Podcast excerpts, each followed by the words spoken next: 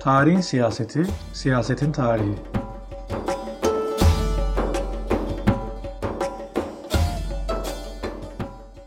İkinci bölüm. Osmanlı'dan günümüze tarihin kullanılması ve istismarı.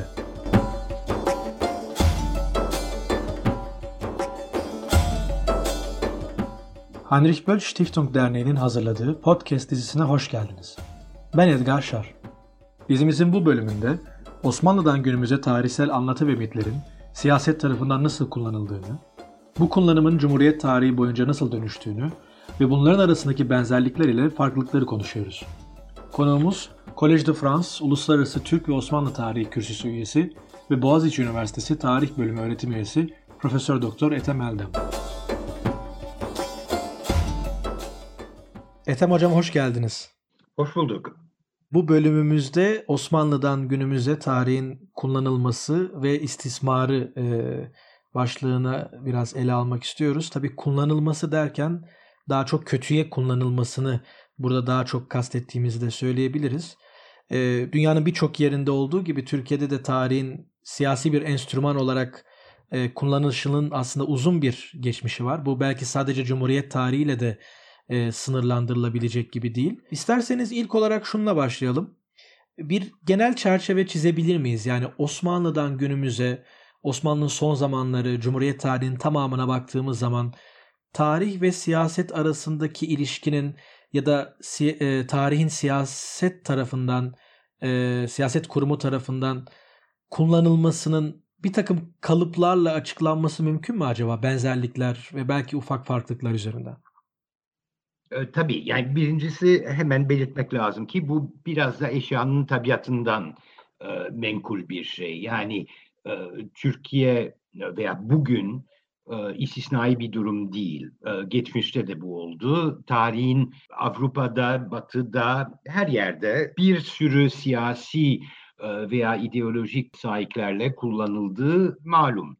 Bunu 19. yüzyılda Avrupa çok yaptı. Yani ulus inşası vesaire. Yani bizim 20. yüzyılda veya bugün gördüğümüz, göreceğimiz bazı şeyleri e, daha 19. yüzyılda Avrupa'da görmek mümkün.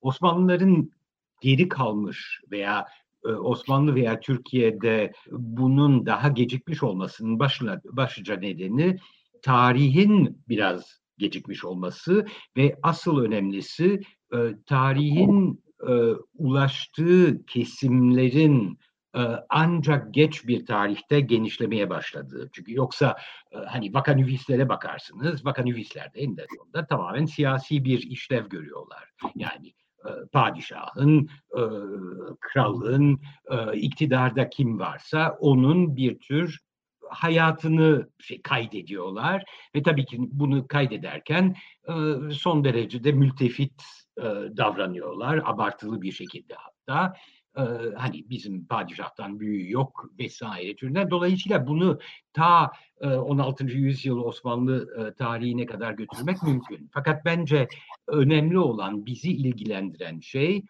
tarihin etki alanının genişlemesiyle bunun ulusal veya en azından kitlesel bir kuvvet kazanması. O zaman tabii tarihin siyasileşmesi veya siyasetin tarihi kullanması iyice önemli bir şey oluyor. Çünkü yoksa gerçekten yani geri geri kalmış demeyeyim ama gayet geleneksel türden bir tarihin siyasi boyutu burada konuşulmaya gerek olmayan türden malumu ilam kabilinden bir e, şeydir. Onun için o, o döneme e, dönmek niyetinde değilim. değilim.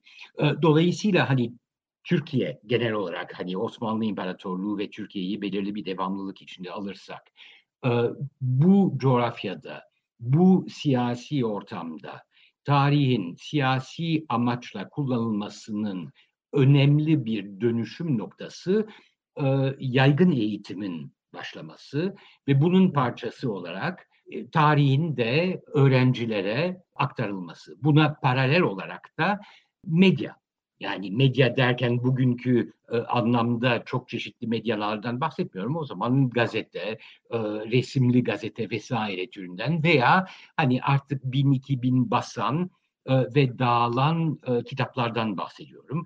Bunların ortaya çıkmasıyla birlikte artık siyasetin sadece şeyi iktidardakini hükümran olanı pohpohlamak için değil hakikaten daha geniş bir kitleye tarih budur biz buyuz biz bunları yaptık ve bu bizi tanımlar türünden bir bir bir söyleme geçmesini galiba başlangıç noktası olarak alabiliriz.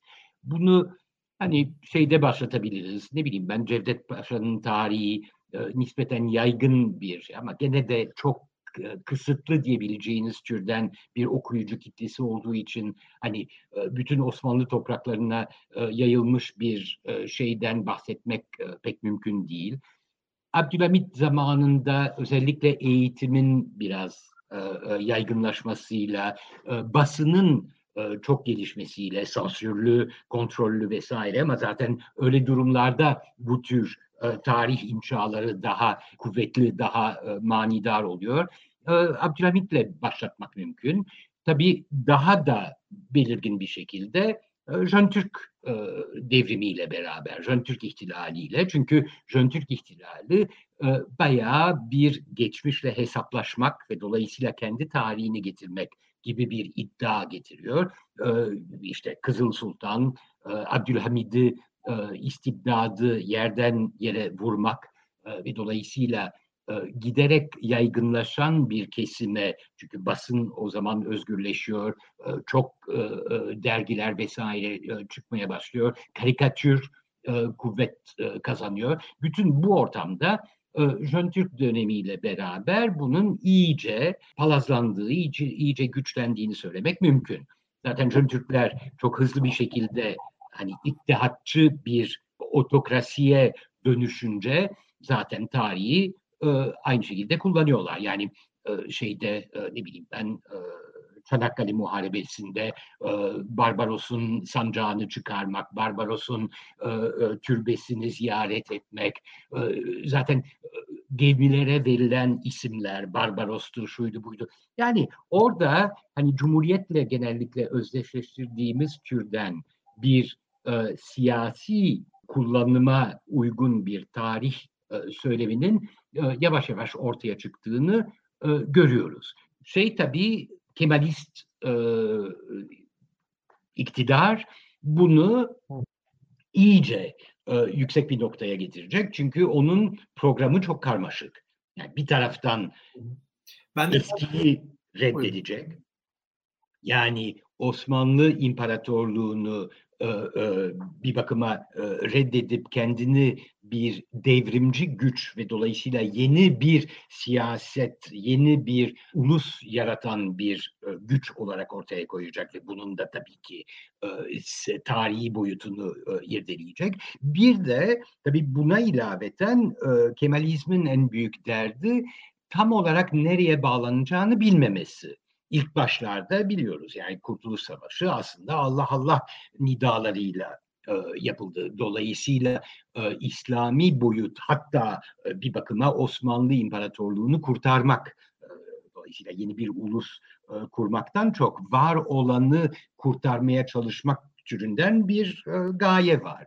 Yavaş yavaş bu daha farklı, daha radikal bir hal almaya başlayacak. Modernlikle, batıcılıkla, e, laiklikle ve ondan sonra zaten e, çok iyi biliyoruz Kemalist iktidar kendi tarihini yaratmak için onun araçlarını e, ortaya koymaya çalışacak. Yani Türk Tarih Kurumu, e, Türk e, tarih tezleri, dil, dile dokunmak, dili temizlemek ve bütün yabancı sayılan Arapça ve Farsça kelimelerden arındırmak.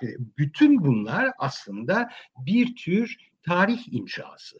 Bakın biz aslında bu garip, karmaşık, e, bir tarafı e, Acem e, edebiyatında, bir tarafı Arap İslam'ında, bir tarafı Batı hayranlığında oluşmuş olan o kozmopolit Osmanlı İmparatorluğu değiliz artık. Biz yeni bir iktidarız, yeni bir ülkeyiz, yeni bir cumhuriyetiz ve bizim tarihimiz de geleceğimiz de farklı olacak. Ve orada işte artık ilk defa çok ciddi bir şekilde bir tarih inşasına şahit olabiliyoruz. Ve dediğim gibi hani hala tereddütler var. Orta Asya mı? Anadolu mu? Anadolu'nun bin yıllarla ölçülen geçmişi mi? Sümerler mi? Hititler mi? Göktürkler mi? Yani müthiş bir kafa karışıklığı olduğu için Kemalist devrim, Kemalist iktidar üç aşağı beş yukarı Osmanlı geçmişini veya Osmanlı geçmişinin Türk sayılamayacak veya saymayacağı boyutunu bir kenara atıp onun dışındaki bir sürü ihtimali, bir sürü senaryoyu e, kullanmaya çalışacak. Şey dönemi, e, Kemalizmin hani 1930'lar e, dönemi. E, orada işte çok ciddi bir e, tarih obsesyonu var. Fransa'da e, şey e, kürsümün açılışında e, kullandığım iki tebi, tabir var. Clioman ve Cleopat. Clio tarih muzası, tarih perisi. Dolayısıyla Clio koyduğunuz zaman bir kelimenin başına tarih demek oluyor. Clioman yani tarih delisi, tarih manyağı. Kleopat tarih hastası. Türkiye Kleoman ve Kleopat. Yani bir taraftan deli yani tarih delisi her şeyde bir tarih e, aramaya, bir tarihi gündeme getirmeye, tarihi kullanmaya e, e, ihtiyaç duyan e, bir ülke. Bir de Kleopat çünkü e, tarih hastası. E, hastası derken yani illet manasında bundan acı da çekiyor. Çünkü bazı şeyleri inkar etmekle e, e, uğraşıyor. Tarihi devamlı değiştirmek ve e, toplumu oluşturan bazı kesimlerin tarih anlayışını tamamen reddetmek, değiştirmek ve bundan doğan bir sürü illetli durumu beraberinde getiren bir ülke haline geliyor. Bunun başlangıcı bence Kemalist tarih anlayışı. Çünkü Kemalist iktidar için tarih hakikaten ulusun inşa, inşası. Ulusun inşası derken tabii e, buradaki maksat gerçekten sıfırdan bir ulus inşa etmek değil. Ulusu oluşturan kişileri kendi iktidarına bağlamak, ona sadık kılmak için gerekli olan şartları sıralamak. Yani sen artık bir Türk vatandaşı olarak şu şu şu tarih ve dil ve kültür ve etnisite e, kurallarına uymak durumundasın. Eğer uymuyorsan problem var. Bu problem dışlanmaya kadar gidebilir. Bazıları daha yumuşak bir şekilde mezcedilmeye çalışılıyor. Ama üç aşağı beş yukarı böyle bir şey söz konusu. Dolayısıyla bunun türlü türlü örneklerini görmek mümkün dediğim gibi bir taraftan Anadolu'yu kendinize yurt etmek istediğiniz ve Türklerin her zamanki problemi Osmanlı modernitesinde de bu hissediliyor. Avrupa'nın bir iddiası bu Türk denen insanlar buraya çok geç geldi. İşte 11. yüzyıl vesaire. 1071 deyip duruyoruz. Ee, dolayısıyla buraya yeni gelmiş ve aslında buraya ait olmayan buradaki çok eski kültürleri yok etmiş veya onların üzerine çöreklenmiş bir topluluk. Dolayısıyla tarihi meşruiyeti sorgulanıyor. Ve biliyorsunuz yani Avrupa'da milliyetçilik tarih üzerine kuruldu. Yani gene hani bizimkiler hiçbir şey icat etmediler. Sadece Avrupa'daki bazı şeyleri bazen aşırıya kaçarak ve özellikle geç kalarak e, e, uygulamaya e, çalıştılar, adapte etmeye e, çalıştılar. E, nedir Avrupa'nın bakışı? Avrupa'nın bakışı çok basit. Tarihi olan uluslar var, bir de tarihsiz olan uluslar var. Yani en basit örneğiyle işte Afrika, e, efendim yazılı kaynakları olmadığı için bilmem de bunlar aslında tarihsiz toplumlar. Tarihsiz oldukları için de ulus olamazlar. Ulus da olamadıkları için aslında Avrupa tarafından, beyaz adam tarafından idare edilmeleri yani e, müstemlekeye, sömürgeye dönüştürülmeleri meşrudur. Bu onları e, uluslaşma sürecinde biraz aydınlatacak olan e, bir tür vesayet e, olarak görülüyor. Dolayısıyla Avrupa kolonyalizmi zaten e, tarihlilik veya tarihsizlik üzerine kurulu. E şimdi Osmanlılar zaten kaybettiler zaten büyük ölçüde dışlanıyorlardı. Devamlı e, işte 1870'lerden e, beri Avrupa'da bir e, yabancı unsur vesaire olarak dışlanıyorlardı. Tabii ki Cumhuriyet'in en büyük derdi, hayır biz buraya aitiz, biz buranın bir parçasıyız diyebilmek ve bunu Avrupa'nın tanıyabileceği ama Avrupa'nın reddedemeyeceği türden bağlantılar üzerinde üzerinden söylemek. Onun için Hititler. Onun için Sümerler. Çünkü Avrupa'nın iki tane kökü var. Biri e, Judeo-Kretyen e, diyebileceğiniz yani İbrani Hristiyan e, köken. Daha çok dini bir kültür diyebileceğiniz ve çok önemli bir yer tutan. Bir de tabii Greko-Romen yani Yunanistan ve Roma İmparatorluğu. Şimdi bunlar o miraslar e, onlara ait. Onlara dokunmak e, yasak onlara e, onlara e, kimse e, bulaşamıyor. Bu bizimdir diyor Avrupa. Dolayısıyla ne yapıyor genç Türk Cumhuriyeti? Bu e, yasakların etrafından dolanmak için diyor ki işte biz e, Anadolu'ya aslında çok köklü bir şekilde bağlanıyoruz. Bakın e, işte Sümerler, e, Urartular, e, Hititler hatta oradan e, bütün dünyada Avrupa'nın e, e, üstlenmediği medeniyetleri kapsayacak şekilde yani bütün o garip nereden geldikleri belli olmayan medeniyetler şey ediliyor. Etrüskler mesela e, veya Amerika'daki yerli kültür, işte tepe tipi vesaire hikayeleri. Dolayısıyla demek istediğim şu, bir taraftan bu akıl dışı bir şeyse de çok akılcı bir nedeni var. O da yeni kurduğunuz ulusa Avrupa ölçütlerinde bir meşruiyet vermek. Bunu yaparken de Avrupa'nın nasıl Fransa işte Galyalılar bizim şeylerimizdir, atalarımızdır vesaire, Frankler bilmem ne ama aynı zamanda Roma, aynı zamanda Yunanistan yani hem tarihi hem e, e, aydınlanmayı bir şekilde mezcederek kendilerine bir meşruiyet kazandırdılar. İşte bizimkiler de bunu yapmaya çalışıyorlar.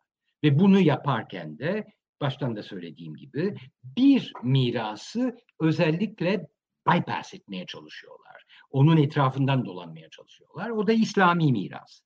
İslami miras niye? Sadece hani Avrupa'nın gözünde daha geri kalmışlığın bir simgesi olduğu vesaire o tabii var. Çünkü Osmanlı modernistleri ve Cumhuriyet kurucu babaları aslında buna inanıyorlar. İslam'ın e, gelmiş olduğu haliyle modernleşmenin, e, gelişmenin önünde bir engel olduğuna inanıyorlar. Dolayısıyla öyle bir dertleri var. Ama onun dışında başka bir dert var, tamamen siyasi biliyorlar ki aslında toplumdaki en kuvvetli harç gene İslam. Ee, sokakta e, karşılaştığınız insana sorduğunuzda elhamdülillah Müslümanım diyecek. Yani Türk vatandaşı o kadar kolay kolay kabul edilen bir şey değil. İnsanlar kabul ediyor vesaire ama özünde biliyor ki ben Müslümanım ve diğeri hani laiklikle dahil etmek istediğiniz e, Yahudiydi, Hristiyandı e, ve onlar aslında Türk değil. Çünkü Müslüman değiller gibi bir şey oluşuyor.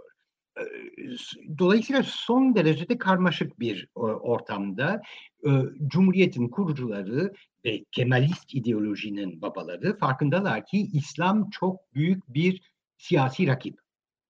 Ve bu siyasi rakibi alt etmenin e, tek yolu siyasi alana ulaşmasına bir engel e, koymak. Yani İslam'ı, laiklik hiçbir zaman İslam'ı reddetmedi vesaire ona dokunamadılar.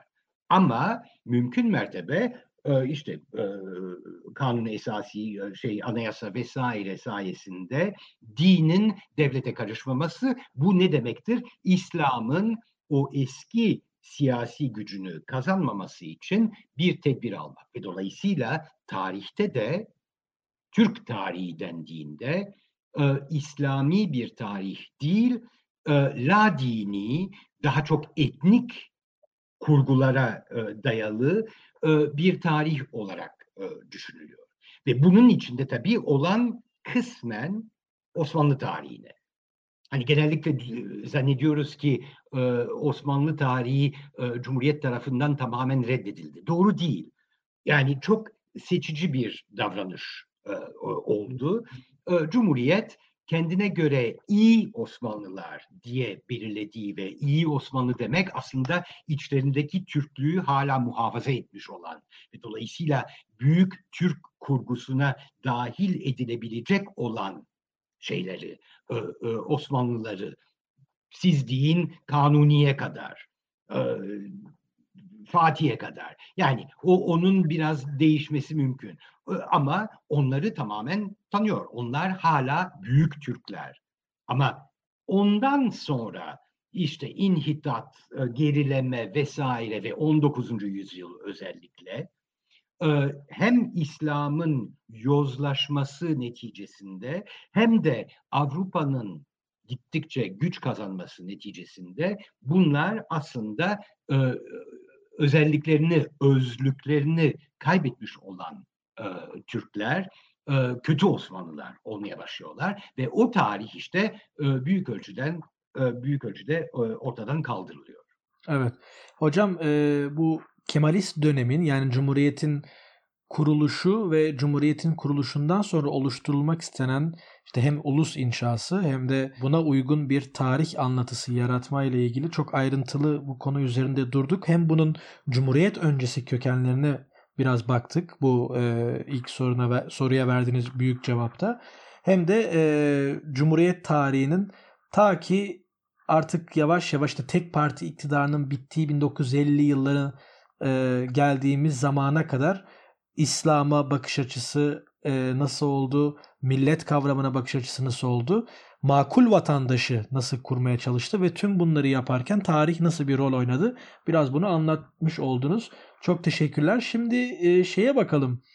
E, biraz post Kemalizm e, olarak adlandırabileceğimiz bir dönem. Tabii ki tam anlamıyla değil ama en azından tek parti iktidarının bitişiyle e, tabii ki bir dönüm noktası e, olarak bu dönemi kabul edebiliriz. Demokrat Parti iktidara geldikten sonra alternatif tarih kurma anlatılar oluşturma çabaları oldu mu veya o dönemi e, bir önceki dönemden ayıran e, farklılaştıran ve benzeştiren yerler ne sizce?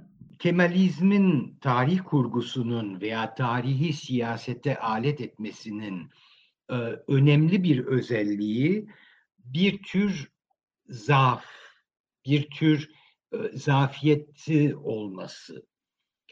Zafiyetten kastım şu, yani hani çok kabaca buna geleceğiz ama yani bugün tarihin devamlı manipüle edilmesinden şikayet ediyoruz. Aslında bundan şikayet eden kişilerin temsil ettiği ideolojik gelenek aynı şeyi 30'larda yapıyordu başka yönde.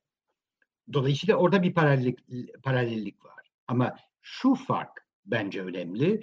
Cumhuriyetin, erken cumhuriyetin bunu yaymak, bunu ulusa yedirmek için ellerindeki imkanlar nispeten kıttı. Bunların bir tanesi eğitimdi.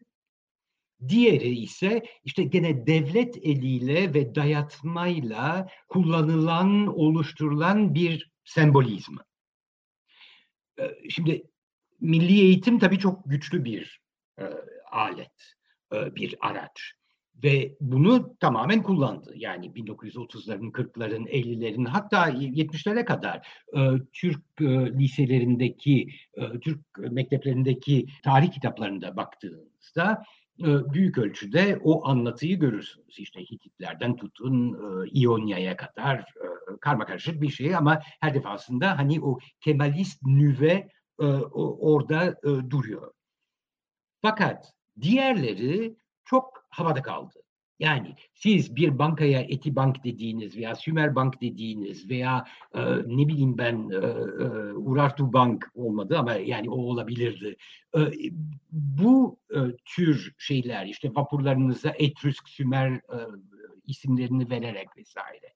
E, şeyin e, Ankara'nın meydanına bir Hitit güneşi dikerek vesaire. Bunlarla e, elde ettiğiniz e, etki aslında çok sınırlı. E, ve sınırlı olduğu için de bu e, kurguyu daha çok siyasi dayatmayla e, e, ortaya koymak zorunda kalındı.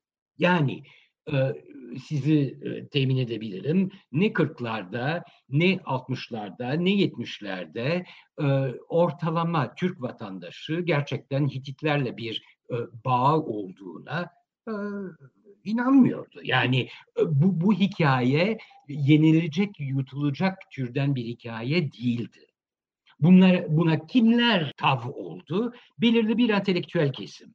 Ne bileyim ben Halikarnas balıkçısına baktığınızda o e, hani Yunanistan'dan önce İonya e, Mavi Ege vesaire e, hikayesi üzerinden bu tür bir kurguyu benimse, benimsemeyi rahatlıkla becerdi. Niye? Çünkü işine geliyordu. Çünkü bir bakıma Avrupa'ya daha yakın unutmamak lazım ki bu elit genellikle çok e, e, laik ve dolayısıyla şeyden kurtulmaya çalışıyor. İslami e, bağlardan kurtulmaya çalışıyor. Hatta e, biraz kafatasçı olarak gördüğü e, Orta Asya e, bağlarından da rahatsız oluyor. Dolayısıyla o Anadoluluk şeyi e, belirli bir kesim içinde e, bugün hani son örneklerini gördüğümüz e, 90 yaşlarında, 100 yaşlarında cumhuriyet kadınları vesaire gibi bir çekirdek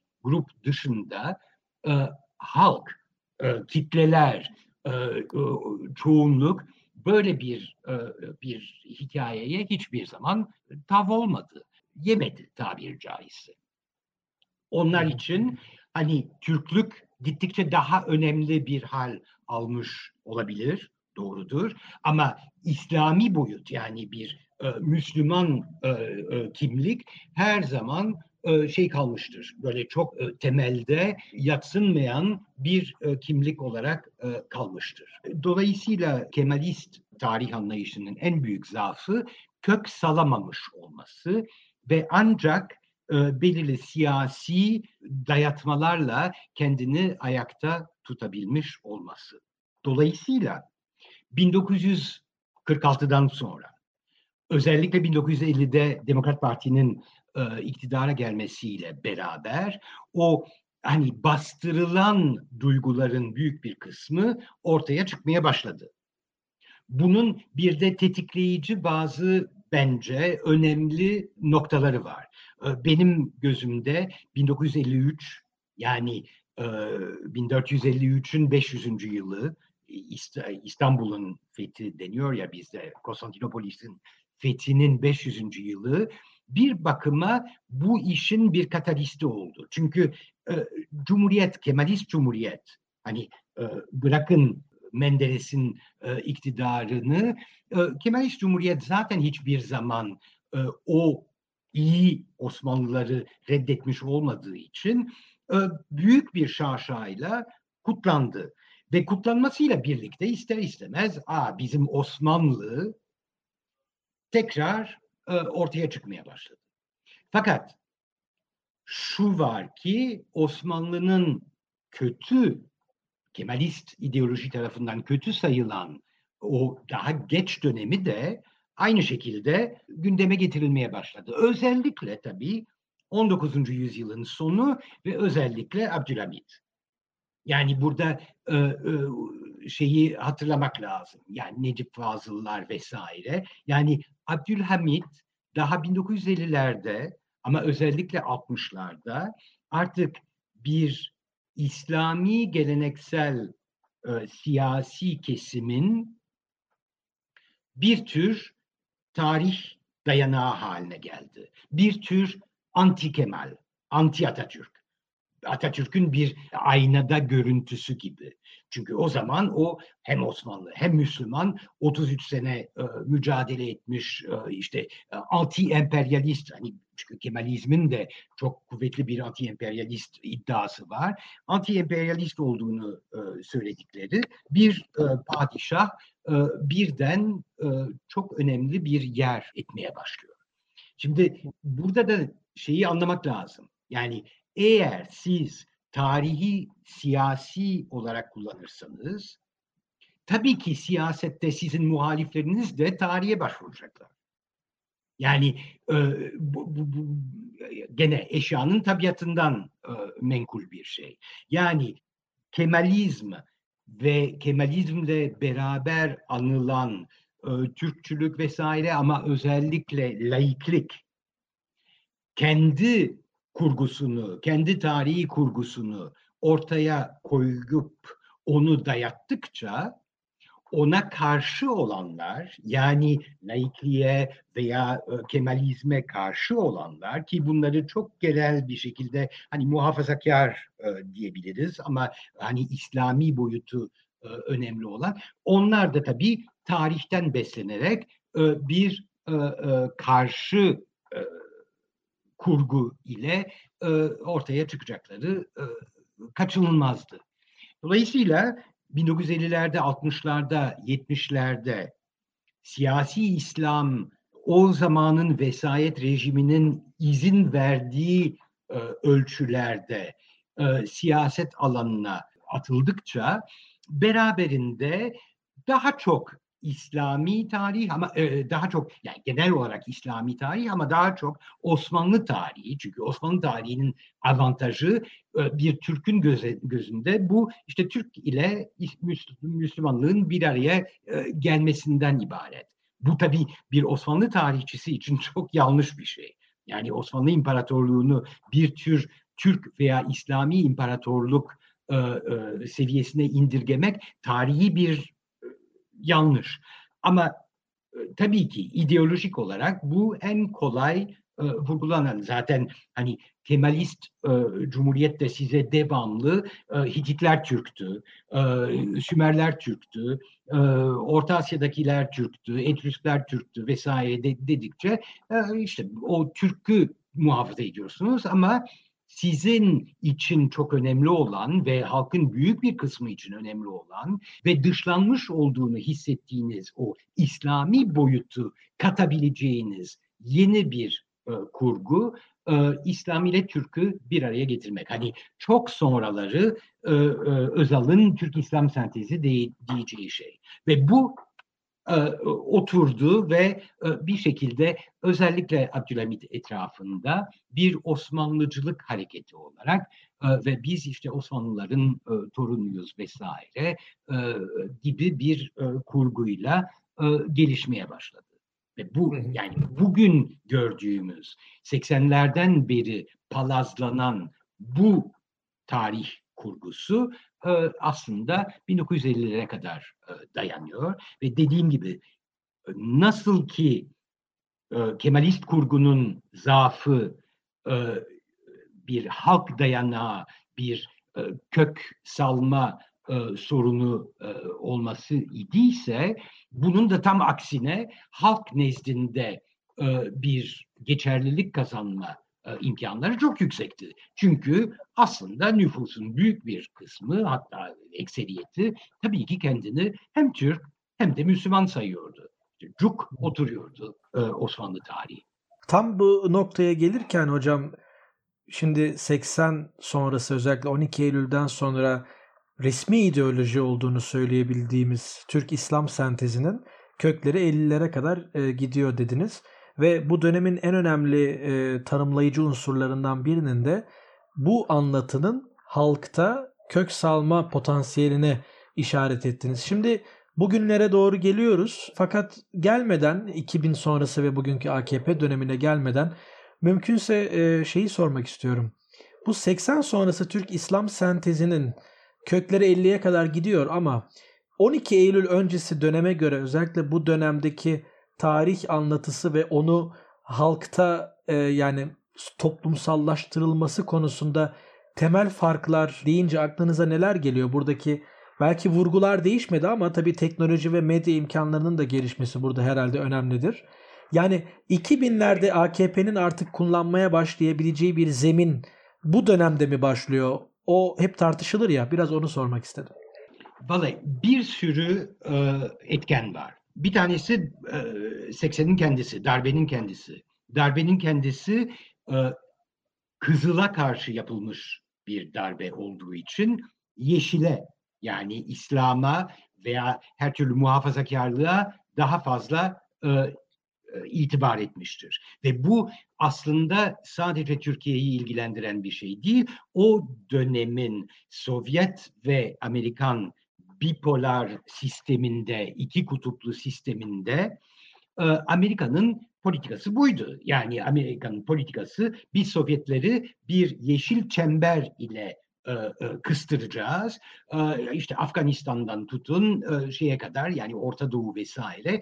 Dolayısıyla Türkiye hem kendi kızıllık korkularından dolayı hem de dünya konjonktürünün onu ve özellikle büyük e, abinin onu o yönde itmesiyle birlikte zaten e, şeye yeşil ışık e, yakıldı. E, daha muhafazakar ve daha İslami eğitime, kültüre vesaire. Yani bunun içinde şeyleri bile saymak mümkün.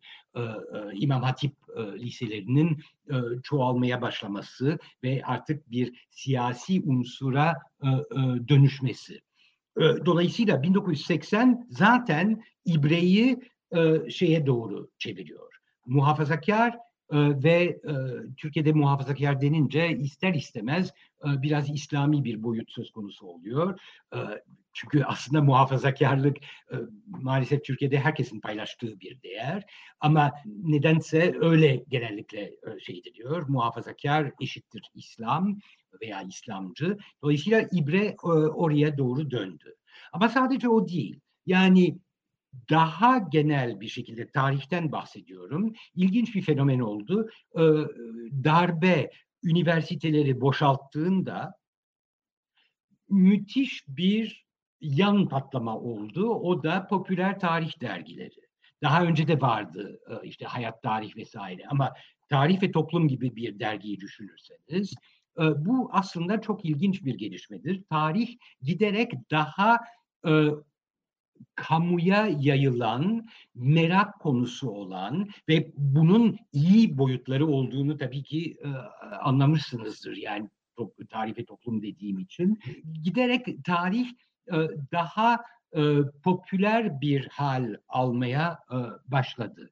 Bu her iki uçta da oldu. Yani e, sol da biraz o Marksizan tarihini, katır kutur tarihini daha bir insani tarihe çevirmeyi e, becerdi. İslami tarafta da kendi katır kuturluklarını biraz unutup e, e, toplum e, tarih ve toplum gibi dergilerde bile yazarak daha insani, daha Fransız ekolüne benzer bir tarih anlayışı gelişmeye başladı. Bir de siz de söylediniz medya. Yani e, Türkiye'nin televizyonla, e, basın, renkli basınla vesaireyle tanışması, e, magazinden tutun dergilere vesaire 1980'lerde bayağı bir patlama oluyor. Dolayısıyla bir zemin var. O zeminin üzerine bu e, e, siyasi dönüşüm e, oturmaya başlıyor. E, Turgut Özal da zaten medyayı çok iyi kullanmayı bilen birisi. Yani e, popülist e, tarafları var. Hani bugünkü popülistlere baktığınızda e, hani e, devede kulak kalır ama e, popülist bir e, şeyi var, becerisi var. E, dolayısıyla kalkıp e, işte şey yaptığında e, nedir e, Osmanlı şatafatı, Sadabat eğlenceleri vesaire. Bu herkeste bir e, bir nostalji şey doğurdu. Ve bu nostalji dediğim gibi sadece İslami veya muhafazakar kesimi değil, bizim Türk burjuvası da buna kapıldı. Bir ferman alıp müzayedede evine koymak, Osmanlı eşyası vesaire. Yani herkes Osmanlı delisi oldu. Hatta bazıları hani Osmanlı İmparatorluğu'nu tam öbür uçta yani birileri bunu bir İslami ve Türk bir imparatorluk olarak gösterirken bazıları da işte gayet kosmopolit, e, e, herkesi kucaklayan e, Beyoğlu Cadde-i Kebir'inde işte Rum'u, Ermenisi, Müslümanı kol kola geziyor gibi böyle uyduruk bazen çok uyduruk kurgularla bir Osmanlı İmparatorluğu güzellemeleri de başladı. Yani sizin anlayacağınız Osmanlı İmparatorluğu tarihi bir gerçek olarak geri gümbür gümbür geri geldi. Ve her sosla yendi. Türkçü, İslamcı, e, e, neoliberal, e, milliyetçi, bilmem neci her türlü sosla bir e, Osmanlı İmparatorluğu tarihi yapabilir duruma geldiniz. Dolayısıyla geldiğimiz durumda e, AKP iktidarı zaten hani milli görüş vesaire yani 70'lerde 60'larda e, işte e, Necip Fazıllar vesaire öyle bir bağlantıları varken bir de bu e, çok mümbit, çok verimli medya ve popüler kültür ve iletişim ortamının içine geldiler. Ve hani ilk başlarda çok daha tereddütlü bir şekilde de olsa iktidarları perçinleştikçe e, iyice artık artan bir kuvvetle bir Neo Osmanlı, biz Osmanlı torunuyuz, Abdülhamit en büyük padişahtır vesaire gibi bir kurguyu yavaş yavaş oluşturmaya başladılar. Ve onun da bir kendine göre bir e, hikayesi var. Yani ilk başlarda kanuni vesaireyken e, Abdülhamit e, e, şeysi e, belgeseli ve Abdülhamit belgeselinin doğrudan doğruya bugünün e, polemikleriyle, tartışmalarıyla birebir çatıştığını veya o onları beslediğini de görüyoruz. Dolayısıyla bir bakıma hani e, şey döndü, geldi, Kemalizmin yaptığı e, türden bir Türkçü tarih anlayışının resmi ideolojiye dönüştürülmesinden yaklaşık 100 sene sonra veya 90-80 sene sonra bugün artık Türkiye Cumhuriyeti'nin resmi ideolojisi e, bir e, Osmanlıcı bir tarih kurgusuna dayanmaya başladı. Ve bu kurguyu bazı son gelişmelerde görüyoruz. E, tam da e, e, Kemalizmin yaptığı gibi e, kanunla veya kolluk kuvvetleriyle koruma altına almak. Yani işte nasıl ki bir Atatürk'ü koruma kanunu var vesaire. Henüz bir Abdülhamit e, Abdülhamid'i koruma kanunumuz yok ama o yönde yani şuna laf eden, şuna dil uzatan kişilerin artık devlete karşı e, hatalı bir davranışta yapmış e, bulunmuş olduklarını ima eden türden bir şeye geldik. E, bir bir duruma geldik. E, dolayısıyla yani aynı hikaye hani baştan söylediğim yani hep Kleopat ve Kleoman bir ülke olduk. Sadece sosumuz değişiyor. Sadece vurguyu nereye koyacağımız ve hani hep söylediğim yani bu kadar e, tarihle obsesif bir ilişkisi olan bir ülkenin bence hani psikanalitik bir şeye girmek istemiyorum ama gelecekle ilgili bir problemi var. Yani sizin bütün siyasi e, demeçleriniz, siyasi kurgularınız, siyasi e, projeksiyonlarınız, e, 2023, 2053, 2071 yani her şeyiniz tarihten meşruiyetini alıyorsa bence ileriyi görmekte, ileriyi kurgulamakta, e, ileri ilerisi için yeni bir şey e, teklif etmekte ciddi bir e, zorluğunuz olduğu fikrine kapılıyorum. Evet, Ethem Hocam çok teşekkür ederim. Gerçekten 46 dakika boyunca şu an itibariyle aşağı yukarı o o kadar oldu.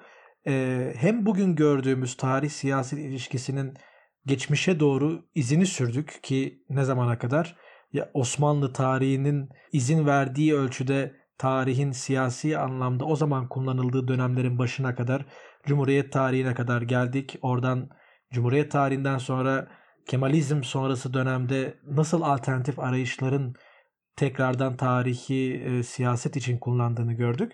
Ve e, 1980'lerden itibaren bugüne kadar geldik. Siz e, özellikle gördüğüm kadarıyla devamlılıklara e, dikkat çekiyorsunuz. Farklılıkların bu devamlılıklar yanında biraz daha ikincil planda kaldığını, sosların değiştiğini tırnak içinde söylüyorsunuz. Ve özellikle en çok da e, değişmeyen özelliğimizin bu Kleoman ve Kleopat yani tarih delisi ve tarih hastası olduğumuz e, gerçeğinin değişmediğini söylüyorsunuz.